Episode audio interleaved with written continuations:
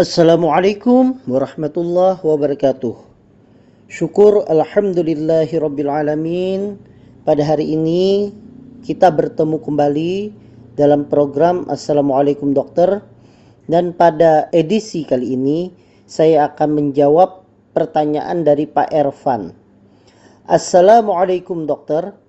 Akhir-akhir ini saya sering mendengar istilah donor plasma convalescence sebagai alternatif penyembuhan COVID-19.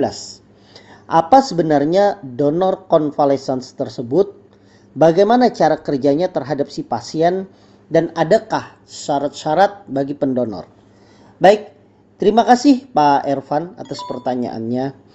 Jadi sebelum saya menjawab, saya sedikit meluruskan bahwa donor plasma konvalesen itu bukan sebagai alternatif penyembuhan COVID-19 tetapi sebagai salah satu tambahan terapi pada penderita COVID-19 derajat berat dan derajat kritis. Jadi, berdasarkan konsensus dari lima ahli penyakit ya antara lain penyakit dalam, paru, anestesi atau ahli bius, kemudian anak dan satunya jantung itu para ahli tersebut telah memberikan suatu kesimpulan bahwa terapi-terapi itu dibedakan berdasarkan COVID-19 derajat ringan, COVID-19 derajat sedang, COVID-19 derajat berat, dan COVID-19 derajat kritis. Nah, sedangkan untuk plasma convalescence itu adalah salah satu tambahan terapi pada pasien dengan derajat berat dan derajat kritis. Baik, apakah itu plasma convalescence? Seperti pertanyaan dari Pak Ervan? Jadi plasma convalescence itu adalah metode pemberian plasma kepada penderita COVID-19 di mana plasma tersebut diambil dari pendonor yang sebelumnya sudah terkena COVID-19 atau yang disebut dengan penyintas COVID-19. Nah, kenapa plasma dari penyintas COVID-19 itu diambil dan diberikan kepada penderita?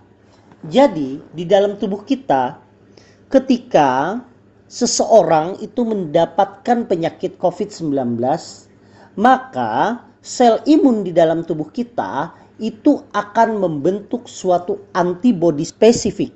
Antibodi spesifik yang mengenali COVID-19 yang menyerang di dalam tubuh. Kemudian ketika seseorang itu telah sembuh dari penyakit COVID-19 tersebut, antibodinya tersebut masih bertahan. Apa tujuannya? Dia bertahan supaya kalau COVID-19 melalui virus yang disebut dengan SARS-CoV-2 kembali menyerang tubuh dia, maka antibodi tersebut langsung mengenali dan menyerang virus itu sehingga tidak berkembang biak. Nah, antibodi inilah dari para penyintas COVID-19 yang dimanfaatkan agar bisa membantu orang yang sedang terkena COVID-19, khususnya derajat berat dan derajat kritis sehingga orang yang terkena, orang yang penyintas COVID-19 yang sudah dinyatakan sembuh itu diambillah darahnya. Bisanya diambil di bank darah di rumah sakit atau di PMI di unit transfusi darah di suatu kantor PMI. Kemudian darah yang penyintas tersebut diambil, kemudian eritrosit sel darah merahnya kembali dimasukkan, sel-sel yang tidak diperlukan dimasukkan lagi ke dalam tubuh, tersisalah plasma yang kaya akan antibodi. Nah, plasma yang kaya akan antibodi tersebut dimasukkanlah kepada penderita COVID-19. Harapannya antibodi yang ada tersebut itu langsung memerangi virus yang ada di dalam penderita COVID-19 tersebut. Sehingga penderita tersebut terbantu untuk segera sembuh karena virusnya itu berhasil untuk dilawan. Itu adalah secara teori. Nah, melihat dari hal tersebut, maka sebenarnya tentunya plasma convalescence tersebut jamak banyak digunakan oleh para dokter-dokter ahli yang merawat pasien COVID di rumah sakit. Namun memang penelitian ini masih berkembang. Artinya ya kita jangan juga terlalu mengharapkan 100% bahwa dengan plasma convalescence ini pasti menjadi sembuh. Karena banyak sekali komplikasi-komplikasi yang terjadi pada COVID-19 tidak hanya akibat dari virus tersebut. Akibat dari kerusakan jaringan juga bisa terjadi. Kalau seandainya virusnya pun sudah tidak ada tetapi jaringannya itu yang rusak di dalam tubuh walaupun diberi plasma konvalesen ya tidak akan membaik. Sehingga pemberian plasma konvalesens tersebut tentunya harus berdasarkan indikasi dan penilaian dokter yang merawat pasien tersebut. Nah, kemudian pertanyaan selanjutnya, adakah syarat-syarat bagi si pendonor? Ya, tentu saja ada syaratnya. Syarat yang pertama tentunya dia adalah penyintas. Penyintas itu artinya dia dulunya pernah menderita COVID-19 dan dinyatakan sembuh.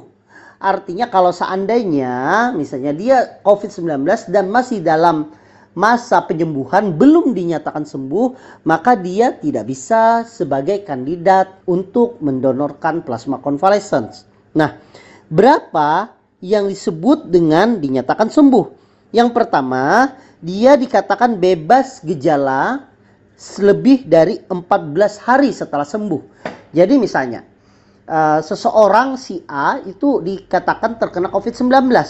Kemudian dinyatakan sembuh pada tanggal 10 kemarin tanpa ada gejala. Maka dia sudah mulai boleh untuk mendonorkan plasma convalescence-nya itu adalah pada tanggal 24 atau 14 hari setelah dia dinyatakan sembuh. Itu syarat yang pertama. Kemudian tentunya karena tindakan plasma convalescence itu adalah mengambil cairan di dalam tubuh pendonor, maka dia harus betul-betul dalam keadaan nutrisi yang bagus. Makanya syarat minimal yang dipatok oleh kawan-kawan di PMI dan kawan-kawan bank darah itu adalah berat badannya itu 55 kg.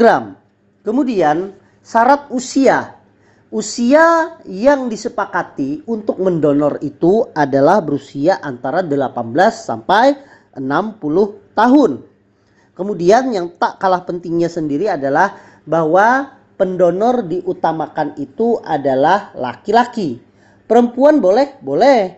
Tetapi ya tentunya perempuan yang sudah pernah hamil dan sudah pernah melahirkan itu tidak di jadikan kandidat untuk mendonorkan plasma konvalesen sehingga peluang perempuan untuk mendonorkan itu lebih rendah. Kemudian yang penting lagi adalah bahwa pada saat dia mendonor maka dia akan dites terlebih dahulu apakah kadar antibodinya itu mencukupi atau tidak. Ini yang penting karena kadang ada juga yang penyintas tetapi ternyata setelah dia diperiksa kadar antibodi yang diharapkan kadar minimalnya itu mencapai ternyata tidak sehingga kalau seandainya dia tidak mencapai ya tentunya adalah tindakan yang sia-sia untuk diberikan kepada orang yang sedang terkena COVID-19 dan batasannya dia boleh mendonor itu dikatakan adalah kurang dari tiga bulan setelah dia dinyatakan sembuh dari terkena COVID-19. Jadi ketika jamaah yang mendengarkan penjelasan saya ini adalah penyintas dan kemudian sudah dinyatakan sembuh 14 hari kemudian usia mencukupi berat badan mencukupi dan belum lebih dari tiga bulan setelah dia dinyatakan sembuh maka marilah kita berbuat kebaikan berbuat hal yang tentunya bermanfaat untuk orang lain dengan cara bersegera untuk mendonorkan plasma convalescence. Karena mungkin saja apa yang kita sumbangkan itu nanti akan menyebabkan bantuan dan akan menyembuhkan orang yang kita sumbangkan tersebut.